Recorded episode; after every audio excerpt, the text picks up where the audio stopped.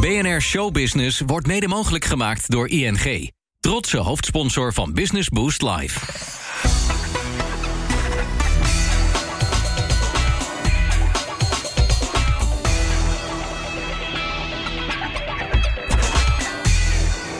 Je hoort het misschien al aan het geluid op de achtergrond. Ik ben niet ergens op kantoor of in een studio. En dit wordt dan ook geen reguliere aflevering met een ondernemende BN'er. Dit is dus niet de BNR Show Business, maar de BNR Business Show. Ik sta in Rotterdam Ahoy, waar vandaag Business Boost Live plaatsvindt.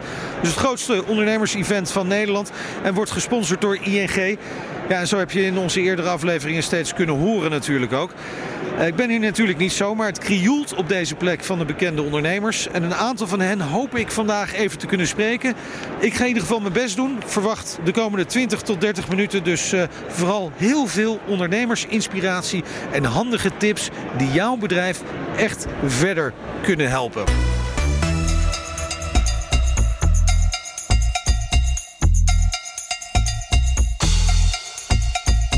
Pieter Zwart van Coolblue. Je bent de, dagvoorzitter vandaag op Business Boost Live. Daar gaan we het echt even over hebben. Maar je begrijpt, ik kan er eigenlijk niet omheen. Het coronavirus en hoe Coolblue daarmee is omgegaan. Uh, het, het, het, heeft een beetje de indruk alsof het backfired on you. Uh, als je, hè, dat, dat je qua berichtgeving in de, in de media... dat je daar misschien en met Coolblue niet helemaal op gerekend had... hoe dat uh, werd, de berichtgeving was. Ik, verwoord ik dat goed? Nou, het eerste wat je ziet zodra het crisis is, is dat de waarheid snuivelt. En dat uh, dan de, de, de, de geruchtenmachine regeert. Um, dat hebben we duidelijk gemerkt. Ik zal niet zeggen dat we de meest duidelijke communicatie hebben gevoerd. Maar hoeveel berichtgeving ik heb gezien, gebaseerd op geruchten, heersees, Twitter-meningjes, zelfverklaarde experts. Ik, weet, ik heb zoveel bullshit voorbij zien komen. Ik heb letterlijk zaterdag, zondag één op één contact gehad met gerenommeerde journalisten. En als je dan ziet wat die vervolgens weten op te schrijven, ik vind het gewoon een schandaal. Dat zijn harde woorden. Uh, en misschien ook wel terecht. Daar gaan we een later keertje uitgebreid met je over praten, hoop ik. Um, maar is, is, is Coolblue nu helemaal voorbereid? Want, want dat was het doel, toch? Ik denk dat het heel lastig is om voor een situatie zoals dat die nu is uh, je voor te bereiden. Tegelijkertijd, we hebben ontzettend hard gewerkt de afgelopen twee weken. Um, we zien gelukkig de eerste datapuntjes dat de productie langzaam weer op gang begint te komen in China. Nogmaals, dat die productie teruggevallen is de afgelopen weken betekent vandaag de dag niet noodzakelijkerwijs heel veel. Alleen spullen zitten eenmaal 7 tot 8 weken op een boot. Dus een boot kan niet harder varen. Dus dat betekent dat over enkele weken we zullen zien dat er verschillende productgroepen in Nederland, dan in de breedste zin, er schaarste zullen ontstaan. Dat klinkt als voorbereiding in elk geval.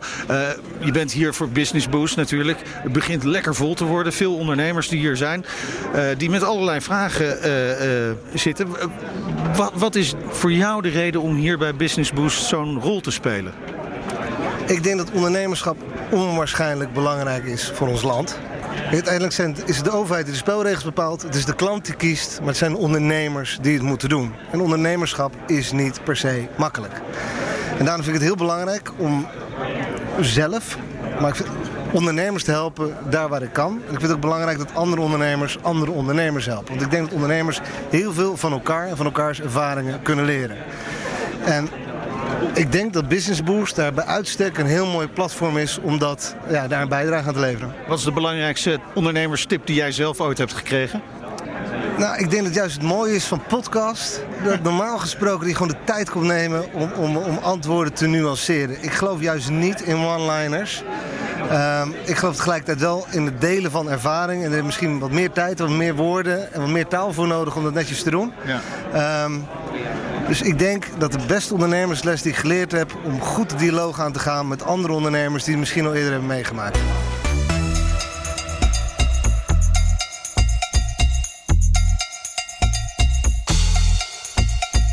Michiel Muller van Picnic. Hoe, hoe, hard gaat het met de groei van Picnic? Nou, heel goed. Hè? Dus we, hebben, uh, we zijn nu uh, bijna vijf jaar bezig. We zijn anderhalf jaar geleden in Duitsland begonnen. Nou, dan zie je eigenlijk dezelfde groei. Dus voor ons is het heel belangrijk nieuwe steden openen. En de steden die we open hebben, verder doorgroeien. En we zijn net uh, twee weken geleden in Amersfoort met de miljoenste bestelling bezig geweest. Wauw. Ja. Maar groei is natuurlijk fijn, dat zoekt elke ondernemer. Maar het doet ook altijd wel een beetje pijn uh, op sommige plekken. Waar doet het bij jullie pijn? nou, bij ons doet het altijd ergens, ergens, op een andere plek pijn. De ene keer hebben we te weinig autootjes, dan te weinig mensen. Dan moeten we weer een nieuw fulfillment center bouwen. Dus, maar dat is het mooie van groeien. Je komt natuurlijk elke keer ergens tegenaan. Maar het aardige is, elke keer zien wij die muur weer opdoemen. En dan zijn we door die muur heen gegaan en dan kijken we achterom en dan denken van, was dat het nou? Dus uiteindelijk lost het zich vanzelf op. Je bent natuurlijk bezig met de groei van je bedrijf, maar ben je ook nog bezig met persoonlijke groei als ondernemer? Nou, dat gaat vanzelf, zou ik zeggen. Want, uh, je moet wel. Ja, je zou moeten. En we hebben natuurlijk een bedrijf met ongelooflijk veel jonge mensen. Die komen echt uit een hele andere generatie. Die vinden technologie zo vanzelfsprekend. Die kijken gewoon heel anders tegen een heleboel dingen aan. Dus daar kan je sowieso ontzettend veel van leren. Ja, nou heb ik je wel eens vaker ontmoet. En je komt altijd heel erg vrolijk over. Word jij ook wel eens gewoon hartstikke boos binnen je bedrijf? Nou, dat komt niet zo vaak voor, nee. nee. Maar wat maakt jou wel boos? Nou, ik denk, uh, ik, wat ik jammer vind is mensen die hun talent niet gebruiken.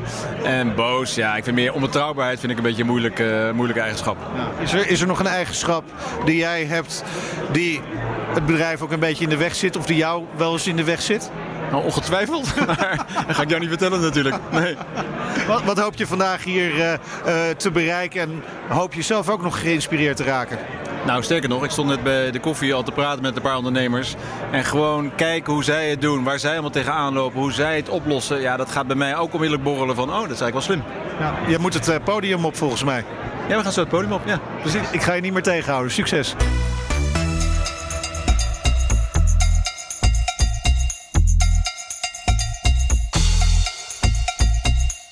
Raymond Kloosterman van Rituals. Uh, we zijn aanwezig bij Business Boost Live. Wat kom je hier doen? Ja, wat een goede vraag. Uh, nou, ik ben gevraagd om uh, een stuk van mijn verhaal te delen met de groep die hier zit. Uh, twintig jaar geleden ben ik zelf als MKB'er begonnen. En mijn eigen kleine bedrijfje. En dat is op een leuke manier uit de hand gelopen. En vandaag mag ik na twintig jaar vertellen hoe, hoe het nu gaat. Maar, maar, liep je dan vroeger, toen je begon als MKB'er, ook dit soort evenementen af? Nou, ik, ik, ben begonnen na mijn studie bij Unilever. Daar heb ik een jaar of dertien gewerkt. En ik vond eh, één of twee dagen per jaar dit soort evenementen altijd wel lekker. Niet eens zozeer van wat er dan verteld wordt, maar vaak als je in de zaal zit kun je een beetje nadenken. Word je geïnspireerd door een paar zinnen of dingen en kom je toch altijd weer terug met uh, een paar goede ideeën. Ja, dus, dus misschien niet eens heel concreet uh, te benoemen wat je hier ophaalt op zo'n avond. Ja, ieder doet dat op zijn eigen manier, maar uh, ik ga vaak naar die dagen gewoon met open mind en dan kom ik altijd met een paar ideeën terug. Heel anders dan wat er besproken is wellicht, maar gewoon omdat je vaak inspirerende mensen ziet en geraakt wordt door een andere manier van En dat zet je aan. Je krijgt niet zo vaak dan de tijd om eens rustig in je eentje in zo'n donkere zaal te zitten en een beetje te luisteren en te mijmeren. Want is dat inderdaad toch als ondernemer zit je uh, misschien wel zo ontzettend gefocust op je eigen zaak dat je eigenlijk geen tijd hebt om een beetje afstand te nemen. En dat lukt op dit soort bijeenkomsten misschien wel een keertje. Ja, ik denk voor mij, als ik voor mezelf praat, ja. dit soort, zijn dit soort bijeenkomsten lekker. Uh, winkelen in de grote steden, in je eentje een beetje slenteren en kijken. Dat zijn uh, belangrijke momenten waarop je een hoop ideeën op kunt doen. En daar haal je dus nog steeds inspiratie vandaan? Ja, nog steeds haal ik heel veel inspiratie uh, natuurlijk uit de oude verhalen. En met de antropologen op zoek naar mooie rituelen. Maar minstens net zoveel gewoon van de straat. Gewoon rondlopen, in je, in je winkels zijn, met je klanten praten. Concurrenten kijken, kleine winkeltjes die je nog nooit had gezien bekijken. En lekker laten verrassen. Ik kan me nauwelijks voorstellen dat er iemand is die het merk Rituals niet kent. Maar je noemt net wel iets bijzonders natuurlijk. Met een antropoloog op zoek naar rituelen. Uh, ik denk niet dat iedereen weet dat het zo bij jou werkt. Ja, ooit zijn we begonnen in 2000 uh, met, het, met dat idee om van gewone alledaagse dingen weer een feestje te maken. Van routines, rituelen. Als een soort anti-reactie op het feit dat, je, dat we op de automatische piloot leven. En toen we daarmee begonnen was wel het idee van laten we nou niet meteen naar de producten rennen. Maar laten we nou eens eerst proberen om interessante verhalen te vinden van oude rituelen. En dat hebben we gedaan. Dat kun je natuurlijk via internet tegenwoordig heel goed vinden.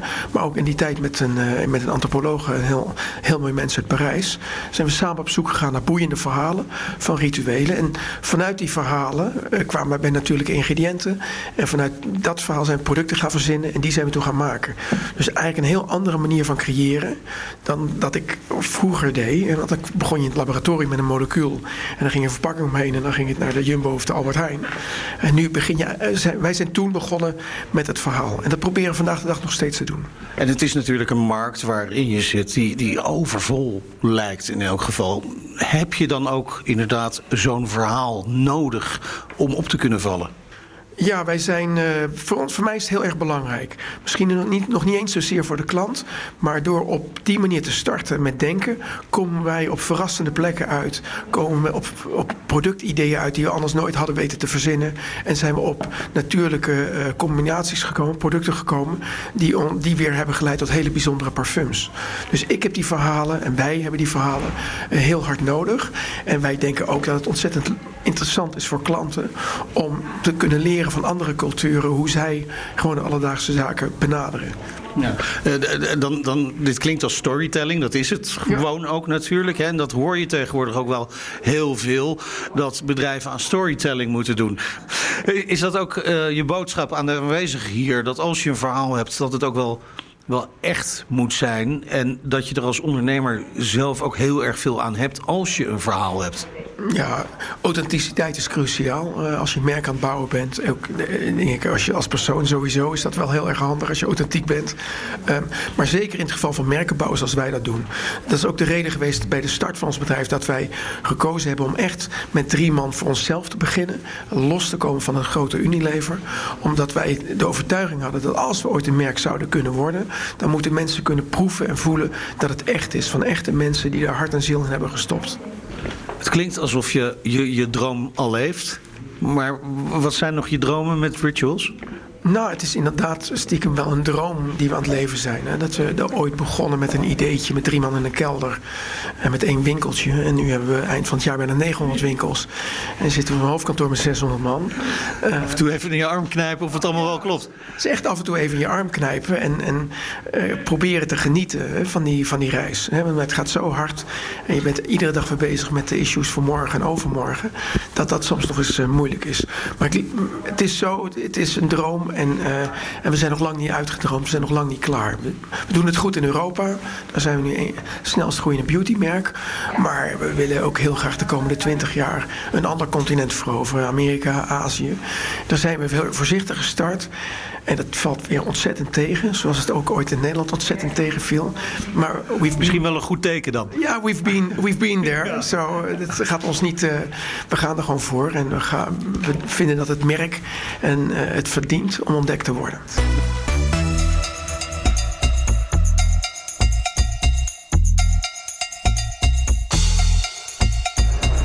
Ja, als je hier rondloopt over uh, Business Boost Live, dan kom je zomaar uh, overal ondernemers tegen. En niet de minste, want naast mij staat nu uh, Steven Schuurman van Elastic. Welkom, leuk dat je er bent. Ja, fantastisch om uh, dit weer mee te mogen maken natuurlijk. Enorm ondernemersfeest dit, toch? Ja, het zijn er duizenden. En uh, ja, ook uh, wat hele serieuze, dus het is al heel erg fantastisch, ja. Ben je zelf ook een beetje een serieuze ondernemer of probeer je het toch luchtig te houden? Nou laten we het vooral gewoon heel erg luchtig houden. Nee, kijk, uiteindelijk is het natuurlijk ondernemer voor een groot gedeelte hey, je droom, je visie, je, je, je fun vinden en uiteindelijk ja, proberen iets, iets moois neer te zetten wat, ja, wat, wat waarde toevoegt. En uh, de fun is al een hele belangrijke component, denk ik. Ja, als je niet kunt lachen om wat je doet, dan houdt het snel op, denk ik. Precies. Maar uh, nou, je, je bent van Elastic. Ik denk dat niet alle luisteraars zullen weten wat Elastic is en wat Elastic doet. Kun je het eens uitleggen? Uh, ik zal uh, mijn best doen. Nou, nou, Elastic is een, uh, is een, een softwarebedrijf wat eigenlijk zijn oorsprong vindt in, in open source software, dus gratis software in, essentie. Maar met een businessmodel wat eigenlijk een soort van freemium is. Dus je hebt een gratis component, maar ook nog extensies erbij. Dat zijn commerciële extensies waar je voor moet betalen. Nou, en de, wat wij hebben, wij hebben zoektechnologie. En die zoektechnologie die um, maakt het eigenlijk mogelijk voor bedrijven om niet alleen maar, zeg maar een search bar op hun website te hebben. Maar je kunt ook uh, software-analyse, data-analyse doen. Je kunt bijvoorbeeld ook uh, in bijvoorbeeld een webshop. Um, dingen realiseren als, als filters om met bepaalde productgroepen en zo te doen. Ja, en dat wordt gebruikt door clubs als, als NASA, dat wordt Facebook gebruikt dat. zoeken op Wikipedia is, is Elastic. Dus ja, wel redelijk veel clubs uh, vinden het een mooi, mooi spul, zeg maar. Ja, en dat kun je ook wel merken. Jullie zijn keihard gegroeid. Heeft het jezelf nog enigszins verrast, die, die snelle groei? Ja, mega. Dat is dit, dit kun je niet bedenken. Uh, en ik, ik, ik ben me er ook heel goed van bewust dat we, we hebben heel veel geluk gehad. We hebben heel hard ons best gedaan om een mooi en goed product te maken. Maar wat je niet in de hand hebt is uh, ja, de marktontwikkelingen. Je hebt niet in de hand dat uh, bijvoorbeeld een concurrent in de markt het een beetje laat liggen. Je hebt niet in de hand dat op een gegeven moment bedrijven enorme grote hoeveelheden data aan het verzamelen zijn. Waar ze eigenlijk niet heel goed weten hoe ze de waarde uit kunnen halen. En, ja, en wat blijkt dan? Dat zoektechnologie daar een hele mooie, makkelijke oplossing voor, voor weten, weten vinden. Ja, en dat is, dat, dat, daar moet je toch een beetje de wind mee in de rug eh, hebben. En dit hebben we heel erg gehad. Dus natuurlijk verrast het je dan als het zo snel zo mooi groot eh, wordt. En doet dat dan ook uh, ergens? Hè? Dat is natuurlijk mooi. Dat is de droom van elke ondernemer, kan ik me voorstellen. Maar ik kan me ook voorstellen dat het soms wat pijn doet. Dat, kun, je, kun je die groei makkelijk bijbenen? Nou, natuurlijk doet het soms wel pijn. Uh, ik denk dat ik het geluk heb gehad dat Elastic niet mijn eerste, maar mijn derde bedrijf was. En het eerste bedrijf heb ik met name dat, snelle groeien ook mee, uh, meegemaakt. Ik was daar geen, eh, geen CEO, wel co-founder. Maar daar heb ik zeg maar wat, wat geleerd over het operationaliseren van snelle groei. Mijn tweede bedrijf was helemaal niet zo bar groot, maar daar was ik wel CEO van. Dus daar heb ik geleerd hoe je een beetje CEO kunt, kunt spelen, zeg maar. En wat je daar vooral wil en ook vooral niet in moet doen. En toen was bij Elastic kon ik eigenlijk die twee skills over dat, eh, dat snel schalen en uh, uh, proberen zo goed mogelijk te zijn voor je mensen. En hoe je dat zeg maar, vertaalt naar een efficiënte CEO-rol, kon ik mooi combineren. En dat ja, heeft uiteindelijk redelijk gewerkt. Ja, uiteindelijk een beursgang ook. Ja. heeft dat veel veranderd?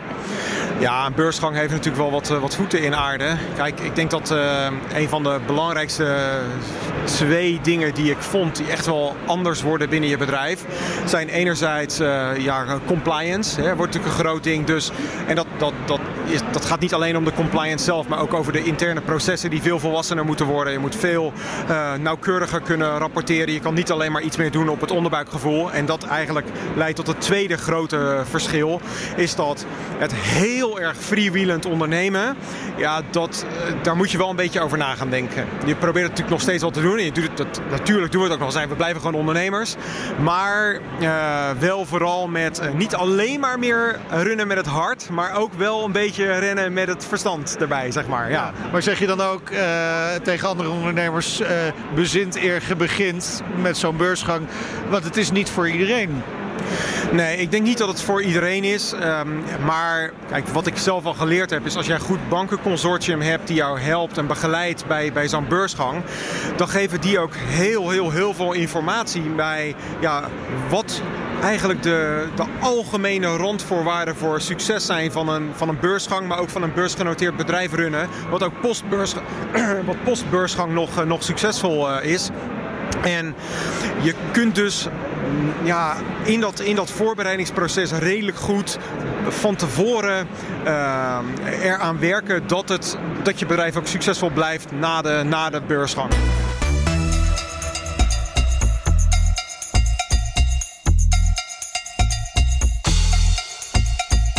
Constantijn van Oranje. Fijn dat uh, u ook even bij ons in de podcast uh, wil komen voor Business Boost Live. Uh, mijn eerste vraag is eigenlijk, wat, wat komt u hier doen? Nou ja, dus allerlei ondernemers komen hier bij elkaar. En uh, met TechLeap willen we graag ondernemerschap, vooral tech-ondernemerschap in Nederland ondersteunen. Dus we willen hier ook uh, met ondernemers in gesprek gaan, horen wat zij willen, wat wij voor hun doen en ook iets vertellen over wat TechLeap doet. Ja, TechLeap. Nou, laten we het daar dan over hebben. TechLeap komt eigenlijk voort uit Startup Delta. Ja. Waarom was dat nodig om dat te veranderen? Nou, ten eerste uh, hebben we echt een, een grote ambitiestap gezet. Dus uh, ten tweede was de, de, naam Startup Delta was in het buitenland best lastig, want niemand begrijpt Delta. En, uh, en, en in Nederland word je veel te veel dan aan startups gehouden. En het gaat eigenlijk om bedrijven die van begin af aan, van, van heel klein tot heel groot, uh, zich ontwikkelen in vrij korte tijd en heel snel groeien. En als je dan zegt startups, zegt de een weer van nou, het is scale-ups en het is grown-up en het is ja. ik weet niet wat voor een app allemaal. Maar het gaat ons eigenlijk om het hele klimaat waarin ondernemers snel kunnen groeien. Oké, dus niet alleen maar om start-ups, maar ook om scale-ups. Kunnen we ook stellen dat we eigenlijk daarvan, als we toch in die terminologie blijven, dat we daar er misschien wat te weinig van hebben in Nederland? Dat het een beetje te veel blijft hangen in die ja, leuk bedoelde start-ups? Ik denk dat het overal natuurlijk het geval is hè, dat er maar weinig bedrijven echt uh, doorgroeien. Uh, en daar zijn wij eigenlijk voor. Bij TechLeap willen we ons focussen op de factoren die uh, bedrijven of ondernemers in staat stellen om, uh, om sneller door te groeien. Dus eigenlijk wegnemen van barrières die hen beperken om sneller door te groeien. En, maar het is, ja, is het een probleem? Ja, ik, kijk, de echte economische waarde en de echte innovatie komt natuurlijk van bedrijven die zichzelf weten duurzaam weten te vestigen. Ja. die gaan nieuwe banen aantrekken, die gaan internationaliseren en zo. Dus daar wil je er meer van hebben. Dus als je bekijkt vanuit een, een meer, meer macro-perspectief, is dat eigenlijk de focus. En uh, zijn heel veel jonge bedrijven, zijn natuurlijk fantastisch mooi. Uh, maar je wil ook succesvolle bedrijven. Ja, niet elk jong bedrijf is altijd even succesvol. Dat blijkt ook uit de cijfers. Hè. Er zijn een hoop die uiteindelijk het gewoon niet overleven. Nee, Nee, dat hoort er ook bij. Ja, het is part of the deal. Het is het proces. U heeft in een eerder interview hierover gezegd... Uh, ja, eigenlijk moeten we wel minimaal twee unicorns per jaar erbij krijgen. Uh, mensen vonden dat wat ambitieus. Maar ik begrijp dat u dat wel vindt meevallen.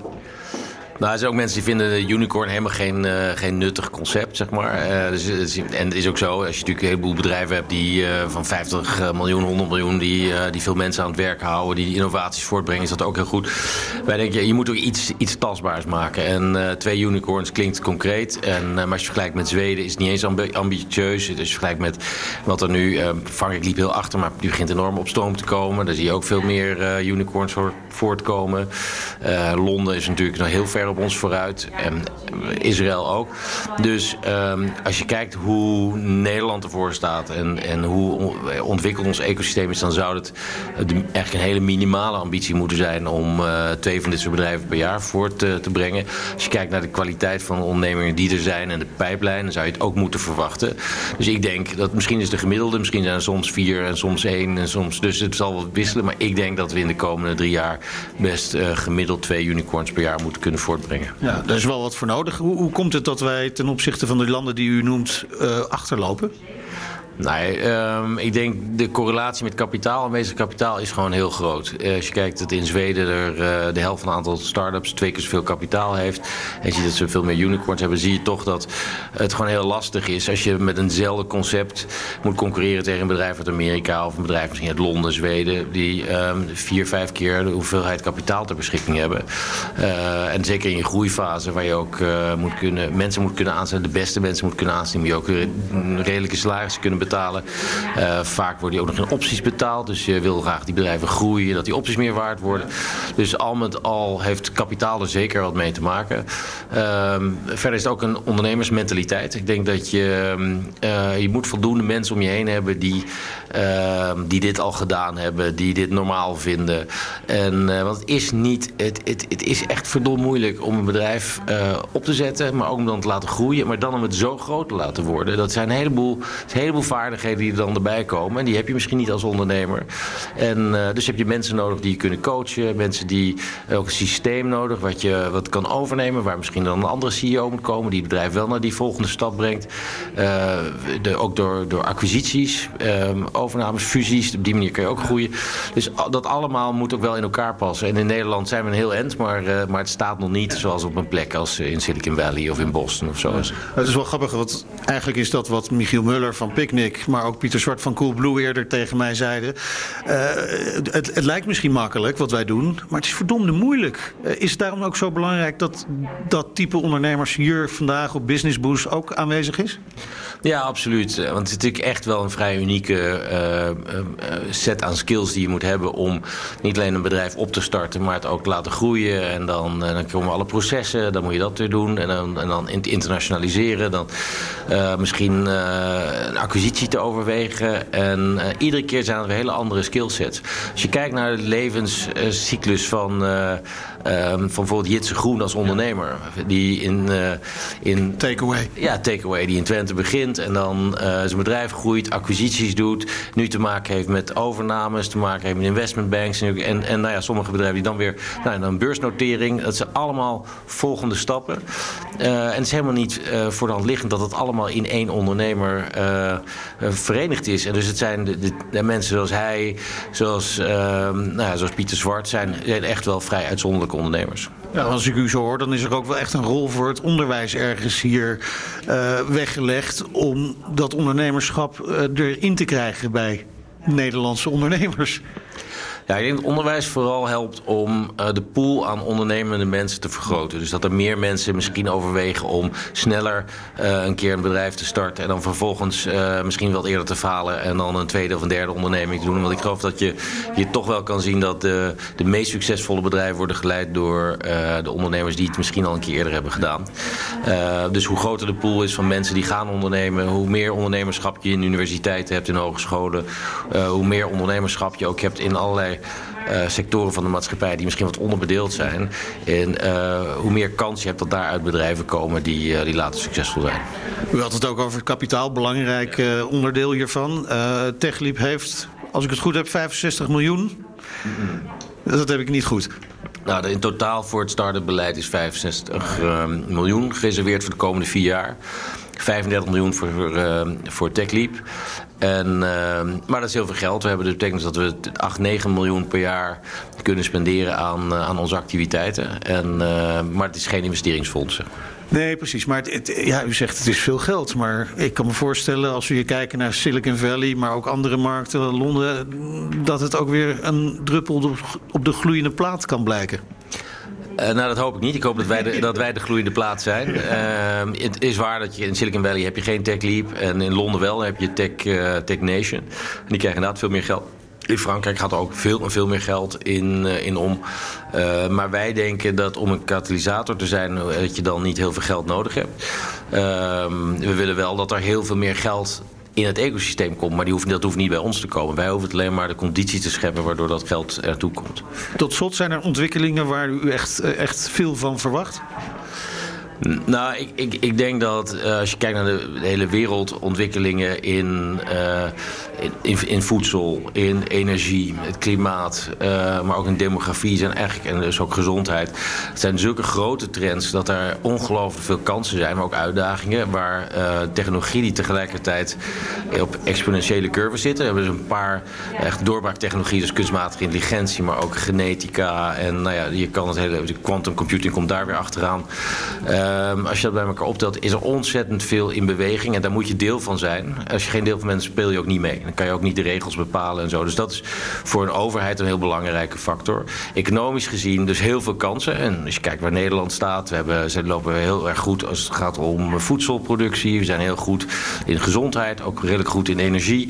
Uh, dus eigenlijk, en dan water. Dat zijn allemaal basisbehoeftes waar alleen maar meer uh, behoefte aan is in de, komende, in de komende tijd. Dus we hebben een hele goede uitgang uitgangspositie. Als we dat combineren met de nieuwe technologieën en ondernemerschap om daar bedrijven rond te bouwen, hebben wij ongelooflijk goede, goede kansen. Nou, en die moeten we wel pakken. Ja, eigenlijk aanhaken op dat waar Nederland al een voorsprong op heeft. Ja, we zien wel vaak dat als je een voorsprong hebt, maar je bent uh, gebaseerd op, een, op de oude economie, dat het niet uh, vanzelfsprekend is dat die voorsprong uh, je ook helpt, zeg maar, om die voorsprong echt te exploiteren. Dus we zijn fantastisch in het, bijvoorbeeld in de tuinbouw en die hebben we heel erg geoptimaliseerd, maar alleen maar optimalisatie leidt niet tot disruptie. Want als je een geoptimaliseerd systeem hebt, wil je juist dat het niet gedisrupt wordt, want je bent al de beste. dus het is best moeilijk om als je heel goed in iets bent, om te beseffen dat je toch allerlei stappen moet zetten om ook voor de toekomst zo goed te zijn. En dat is de uitdaging die Nederland heeft. En dat klinkt als ondernemerschap. Dat, klinkt, dat is zeker ondernemerschap, ja. ja.